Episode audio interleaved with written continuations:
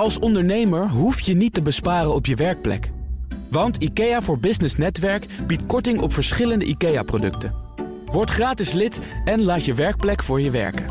IKEA, een wereld aan ideeën. Nieuwe medewerkers aannemen op basis van cv en motivatie, dat is echt niet meer van deze tijd. Kan niet meer. Een beetje modern bedrijf laat algoritmes, software en robots bepalen wie de juiste kandidaat is. Daar gaat het over vandaag in een panel over de toekomst van de HR met als hij tenminste nog aankomt te wandelen. Bas van der Hatert, adviseur op het gebied van wervingsvraagstukken... en auteur van verschillende boeken over de invloed van technologie op werk. Irma Doos is hier, eigenaar van HR Analytics Bureau Analytics. En mijn zakenpartner van vandaag, Wendy van Ierschot... oprichter van V-People en V-Tech Capital. Welkom. Dank je. Ja, ik zeg het nu wel in de introductie. Het kan echt niet meer. Een uh, cv en een brief en op basis daarvan dan iemand aannemen. Irma, is dat uh, iets te overdreven gesteld? Uh, het kan natuurlijk nog wel, maar als je bij bureaus zit um, of bij organisatie waar je nou ja, honderden mensen moet gaan aannemen, dan kun je enorm veel tijd besparen en winst boeken uh, door inderdaad data en analyse te gaan gebruiken. Maar dan gaat het over hoe het efficiënter kan. Wordt het daar ook beter van? Kom je tot een betere kandidaat? Want dat lijkt me het uiteindelijke doel. Dat is het uiteindelijke doel. Nou, eigenlijk tweeledig. Het kan efficiënter, het kan beter en het, uh, ja, met meer succes. Dat is in ieder geval gebleken dat inderdaad door het gebruik van, van data... dat je ook uh, mensen langer binnenhoudt, uh, mensen succesvoller uh, in kunt zetten... en mensen gewoon beter presteren. En dat zijn dus eigenlijk jouw klanten die dat constateren, toch? Want dat is dat, ook het vlak waar jij op begeeft. Dat, ja, uh, dat is mijn uh, hobby en mijn passie, ja. ja oh, Wat ik wel meteen belangrijk vind om even te benadrukken... is dat uh, we nu ook weer kijken naar de efficiëntie van het proces... terwijl het volgens mij ook heel erg moet gaan over de beleving van de kandidaten. Absoluut. Dus dat, dat de cv en de motivatiebrief schrijven gewoon niet leuk en saai is om te doen.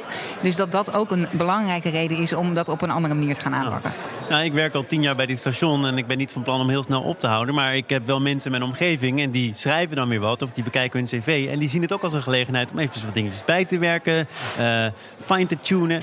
Uh, ja, die zien maar, dat eigenlijk niet maar per kijk je daar naar uit, Thomas, om dat te gaan doen? Of vind je het leuker om, staan, om een spelletje te spelen? nee, maar he, je, je, zou kunnen zeggen, de beleving, uh, als je het meer door algoritmes laat bepalen, betekent ook dat je dus iets moet doen op de computer om een algoritme iets te laten uh, doen met jouw data. En dat kan je wel veel gebruikersvriendelijker maken dan het huidige proces. Ja, nou, we hebben natuurlijk dat gesprek gevoerd net, net met, uh, met Martine Zegers ja. van Unilever, HR-directeur Benelux. En zij vertelde ook over dat spelletje. En toen dacht ik toch, nou ja, misschien ben ik uh, oud van geest geworden, maar een spelletje en dat ik dan op basis van dat spelletje ga afvallen. Nou, dat, ik weet niet of ik dat zou accepteren of ik dat aan zou kunnen. Ja, er zijn nog andere mogelijkheden hoor. Nee, nee, maar even, ik wil toch dan even inzoomen op het spelletje, omdat jij dat ook nu noemt. Maar ja, dus op basis van dat spelletje en de uitkomsten daarvan uh, is de route al afgesloten. Het is natuurlijk veel breder dan dat. Hè? Dus, dus het, je, je, kunt ook op basis van uh, gewoon een gesprek uh, een andere analyse doen dan die wij als mensen zelf kunnen doen. Um, en het is ook nog zo dat het uh, steeds meer is dat jij gewoon een speel. Ben je een gamer of niet? Nee, dat, zie, dat is alweer een probleem natuurlijk. Ja, precies. Dan vallen al een heleboel banen van jou af. Ik ben wel een schrijver, dus ik ben, ik ben ja. beter in het schrijven van die brief dan in het spelen van de game. Uh, ben, je, ook gewoon... ben je ook een schrijver die publiceert?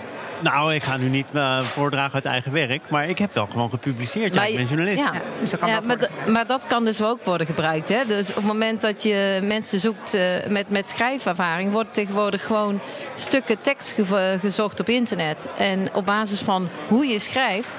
kun je worden uitgenodigd ongeacht uh, je opleiding, ongeacht je achtergrond. Bas van Atert is, is aangekomen. Fijn. Dank um, als jij kijkt naar wat ik, wat ik net zei, hè, dat, het kan niet meer op basis van een sollicitatie en een cv. Onderschrijf je dat? Ja. En om je een idee te geven, ik uh, heb op dit moment weer vier uh, mensen in dienst. Studenten die onderzoek voor mij doen. Die selecteer ik uiteraard ook alleen maar via een spelletje. Of eigenlijk een testje. En um, je hebt eigenlijk nooit discussie over uh, als je iemand afwijst omdat je het kan onderbouwen. Je kan gewoon aangeven, luister, we hebben dit getest. Want dat, het moet natuurlijk wel een goede test zijn. Dit had voorspellende waarde.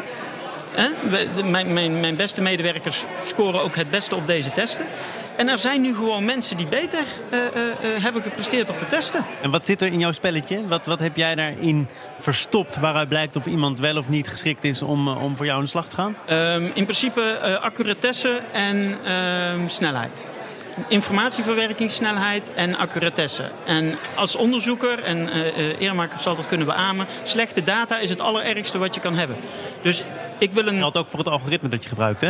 Dat klopt. En de, dus ik heb, dat, ik heb uiteraard wel wetenschappelijk gevalideerde testjes na laten bouwen.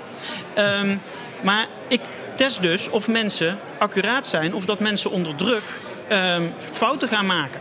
Ja. Hey Bas, eh, nog even, want jij zei zo mooi van eh, eh, je hebt er geen discussie meer over omdat je het nu goed kan onderbouwen. Maar de hele discussie gaat natuurlijk ook over de black box van het algoritme. Hè? Dus dat we eigenlijk niet weten wat dat algoritme nou eigenlijk precies doet. Wat is daar jouw visie op?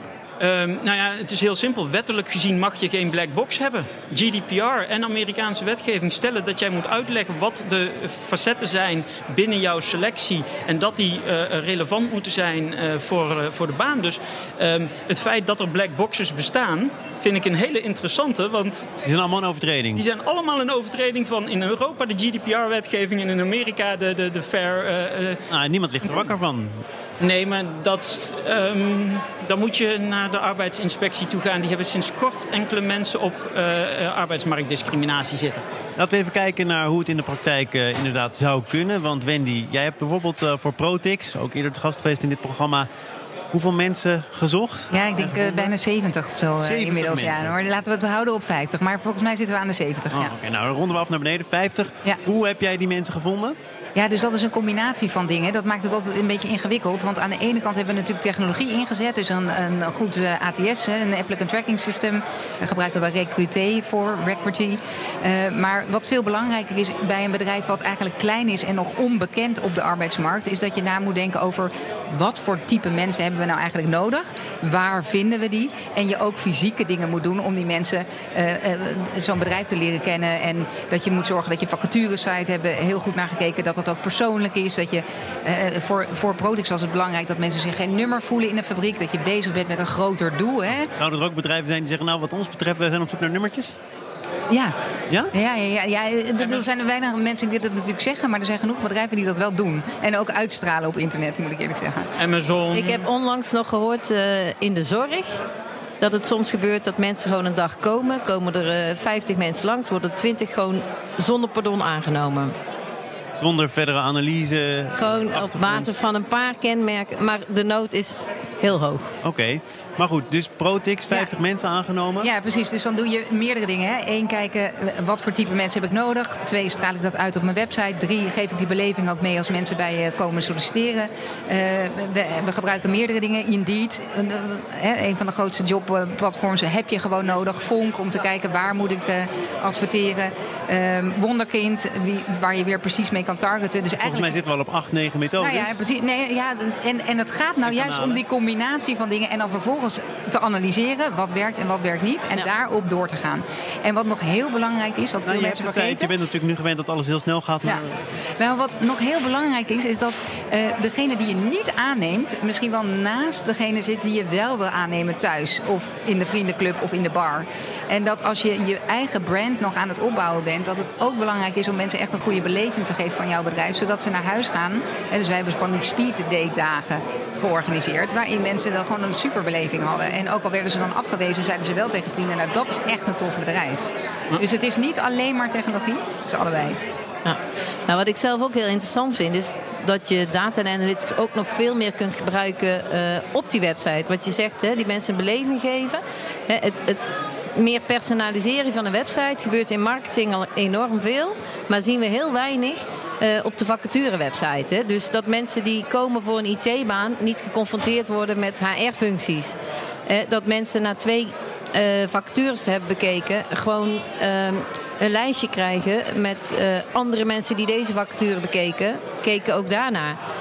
Um, dus er zijn nog heel veel mogelijkheden om ook juist die beleving met behulp van data te ja. verbeteren. Maar kan het inderdaad dat je dus het niet wordt en toch denkt, nou, het hele proces vond ik wel aangenaam? Ja, ik heb uh, op het moment dat we tegenwoordig in plaats van eerst een, een gesprek, dan een testje, dan weer een gesprek, dat omgooien naar eerst eigenlijk, ja, ik noem het door een soort wasstraat. Hè, van, van een aantal zaken, video, uh, game, uh, vragen, test. En uh, dan krijgen de mensen krijgen zo'n goede feedback dat ze daar tien keer meer mee kunnen dan hartelijk dank, uh, we gaan niet verder. Bas, is dit ook een uh, geldkwestie? als ik nu hoor wat er allemaal voorbij komt dan moet je dus uh, gericht zoeken. Daar moet je meerdere kanalen voor, uh, voor optuigen. Je moet het allemaal goed organiseren. Uh, het kost wel veel geld om het talent binnen te halen op die manier. nou ja, alleen het kost nog veel meer geld. Alleen die kosten rekenen we niet mee om het verkeerde talent binnen te halen. Ah, ja, ja, ja. En um, ik, ik heb toevallig net het voorbeeld in, in de sessie waar ik in zat gebruikt van de luchtverkeersleiding. Daar vielen, voordat ze game-based assessments aan de voorkant deden, rond de 25 tot 50 procent van de mensen uit omdat ze onder druk dichtklapte. Wat voor een luchtverkeersleider best een issue is. Zo iemand is toch al honderdduizend keer getest, de zes nee, minuten over. Nee, dit, nee dat, dat, dat, ja, dat is de laatste jaren hebben ze dus pas testen ingevoerd die echt op een goede manier meten of iemand onder stress blijft functioneren of niet. En die testen worden allemaal steeds goedkoper. Hè? Dat, dat vind ik het fantastische Precies. eraan. Want vroeger was het natuurlijk, kostte het minstens 1000 euro. En uh, nu uh, kan je dat voor, een, uh, een, een... Voor, voor, een paar tientjes of 100 euro als je het in volume afneemt. Wat overigens een andere is, waar ik dan eventjes de andere kant voor dingen. We hebben recentelijk, ben ik zijdelings betrokken geweest bij de Raad van de Kinderbescherming. Die zochten een recruiter. Daarvan weten we ook, dat is een van de meest moeilijk werfbare functies naast IT'er op dit moment. En die hebben dus gewoon gezegd, wij hebben een open werving als jij je geschikt vindt voor deze functie, dan zitten we daar, plan maar je sollicitatiegesprek in. En dat uh, heeft onder andere nu geleid tot het feit dat uh, van de drie mensen die naar de tweede ronde zijn gegaan, heb ik begrepen, zijn er twee uit die eerste sessie gekomen waarvan ze hebben gezegd op cv hadden we die niet uitgenodigd. Maar ze bleken super gemotiveerd en eigenlijk best wel geschikt te zijn. Alleen ja, het cv had ik dat niet aan. En wat is, wat is, de les die je hier dan uit kunt trekken? Want ook in zo'n spelletje of welke andere methode je ook toepast, zit natuurlijk al, we zijn op zoek naar iemand die in dit hokje past. Ja, nou, het punt is, die spelletjes meten wat je daadwerkelijk kan en niet meten wat je denkt dat iemand kan op basis van vooroordelen die je op een cv hebt. Ja, en dat vind ik ook wel een interessant aspect wat je net zei, was dat. Um, we zijn, wij hebben ons hangen heel erg vast aan bepaalde zaken. En eigenlijk wat, wat je moet zoeken, wat zijn die variabelen die voor jou belangrijk zijn. En dat kan, uh, dat kan eruit komen testen, maar je kunt ook aan hele andere variabelen denken. Zoals bijvoorbeeld, wat is de beste postbezorger? Dat blijkt gewoon een man met een hond te zijn. misschien moet je dus vragen of mensen een hond hebben. Er zijn er waarschijnlijk nog mensen die denken: ja, ik zoek iemand. Ik vraag om die sollicitatiebrief. Ik vraag naar dat cv. Ehm, wat zouden jullie tegen die mensen dan zeggen? Want die moeten in hun denken een hele stap maken, Bas. Nou, op dit moment is dat nog heel normaal om dat te doen. Dat wil niet zeggen dat het de beste manier is om dat te doen. Um, en de vraag is. Maar ik heb het altijd al zo gedaan. En ik heb toch altijd mijn medewerkers kunnen vinden. Dus ja, Bas. Nou, ik, ik, zag laatst bijvoorbeeld een interessant onderzoek van IBM samen met HR.com. En die hadden de Amerikaanse HR-managers gevraagd van hoeveel mensen die je het afgelopen jaar hebt aangenomen, zou je met de kennis van nu opnieuw aannemen. Dat was 69 procent. Dus blijkbaar is ongeveer een derde van alle mensen die we aannemen, zijn mishires. Zijn we niet gelukkig mee. Of, ja, of je doet iets in het bedrijf waardoor mensen niet performen op het niveau wat je wil. Hè? Want dat is natuurlijk. Uh, en het is natuurlijk dramatisch als een HR-manager dat zegt. Want dat betekent dat je dus 40% van je non-performance niet goed managt. Maar goed. precies, maar dan kan je ook natuurlijk zeggen van we zijn ontzettend slecht in iets. Dus we moeten mensen zoeken die kunnen omgaan met die ongelooflijke asociale manier die wij met mensen willen omgaan. Dat, dat, ja. ja ik eh, cultuur veranderen, weet je ook, is het moeilijkste wat er is. Dus je kan beter mensen zoeken die er dan wel mee kunnen dealen, zeg maar. Schrikken jullie van het percentage, 69 procent? Nee, ik ben het al vaker tegengekomen, ja. Ja. Ik schrik me echt helemaal dood. Als je dat doet, is, dat vind, is mijn grote frustratie. Als je dat doet in een scale-up of in een start-up, dan ben je gewoon dood. En dit kan alleen maar bij bedrijven. Het kost veel te veel geld en je gaat niet vooruit. Terwijl in een pensioenfonds kan je dat uh, je, wel permitteren, kennelijk. Ja. Dus je moet ook, uh, daar gaat het eigenlijk om, goed kunnen voorspellen of iemand kan aarden of iemand gaat, gaat presteren eer. Maar dat is eigenlijk wat jij met je bedrijf doet. Ja, dat klopt. Inderdaad. Uh, dus uh, wat je kunt doen is eigenlijk op het moment dat iemand komt solliciteren ga je gebruik maken van zoveel mogelijk van die data die verzameld is, nou, zoals net al aangegeven. Plus nog andere data die we kunnen inkopen, die we kunnen verzamelen door onderzoek. Wat weet jij uh, allemaal van een sollicitant? Weet jij zoveel van een sollicitant dat een sollicitant er ook een beetje van kan schrikken? Ik denk het wel. Hij zou kunnen schrikken, ja. Uh, je hebt het, nou, het, gedrag op de website, uh, je hebt zijn achtergrondgegevens. Op basis van zijn huisadres zou je, kan ik zo 200 variabelen inkopen. Ik vind het, ik vind het niet Eng, sympathiek klinken eigenlijk. Nee, hè? Nee, en mijn nou ja, grootste ja, zorg zit eigenlijk op de analyse hè, daarvan. Want we halen dus heel veel data op en jij geeft dat op een presenteerblaad voor de HR-persoon of whoever ernaar kijkt. Ja. En hebben die de capaciteiten en de opleiding om goed te kijken naar de, wat zegt dit nou eigenlijk? Ja, nou dat is altijd heel belangrijk. Het zijn twee dingen. Hè. Eh, hoe ga je met die data om? Ga je inderdaad per persoon een labeltje plakken? Of ga je met name voor de, de algemene inzichten om daarmee gewoon uh, de betere vragen te kunnen stellen aan de persoon? Hè, dat is natuurlijk een hele andere aanpak dan Maar het kan wanneer allebei. je... Het kan- en- en- technisch En jullie Kan leveren iets allebei. waarmee dat dus ook op beide manieren kan uitpakken? Of zeggen jullie, wij doen alleen maar zaken, wij leveren dat alleen maar als jullie eh, daar Nou, een beetje eh ja, prudent goed mee omgaan? omgaan. Nou, mensen moeten er goed mee om. Dit is sowieso, kijk, dit is de verantwoordelijkheid natuurlijk op zich van de opdrachtgever. Maar het is ook onder, onze verantwoordelijkheid om ze daar eh, zeg maar goed in te steunen en te, Kijk, en te stel, sturen. Dat heb ik al eerder Absoluut. gezegd, maar als jij een bom maakt en Ja. eh, nee, stel, Nee. dan, Ja. je verkoopt het aan iemand met slechte intenties, dan is het ook aan jou om te kijken van, eh, doe Klopt. ik dat of niet? Ja. Nee, we- Wij doen dat bij bijvoorbeeld psychologische testen. Hè? Dan, die mag je bij ons niet afnemen als je niet ook het persoonlijke gesprek erbij afneemt. Ja. Omdat dat toch belangrijk is dat mensen gewoon even begrijpen wat er dan eigenlijk precies staat. En ook om te begeleiden wat zijn de Ja. conclusies hier. Wij geloven ook heilig zeg maar, in de mens achter de data. Dus niet alleen de cijfers, maar ook eh, weer gesprekken met de mensen om te kijken wat zit erachter.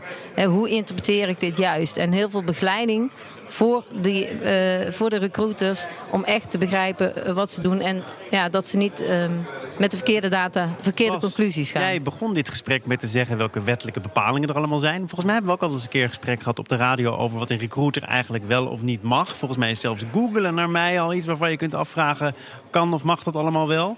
Hoe, hoe rijm ik dat met wat ik hier allemaal heb gehoord? Ehm, nou, er mag heel veel.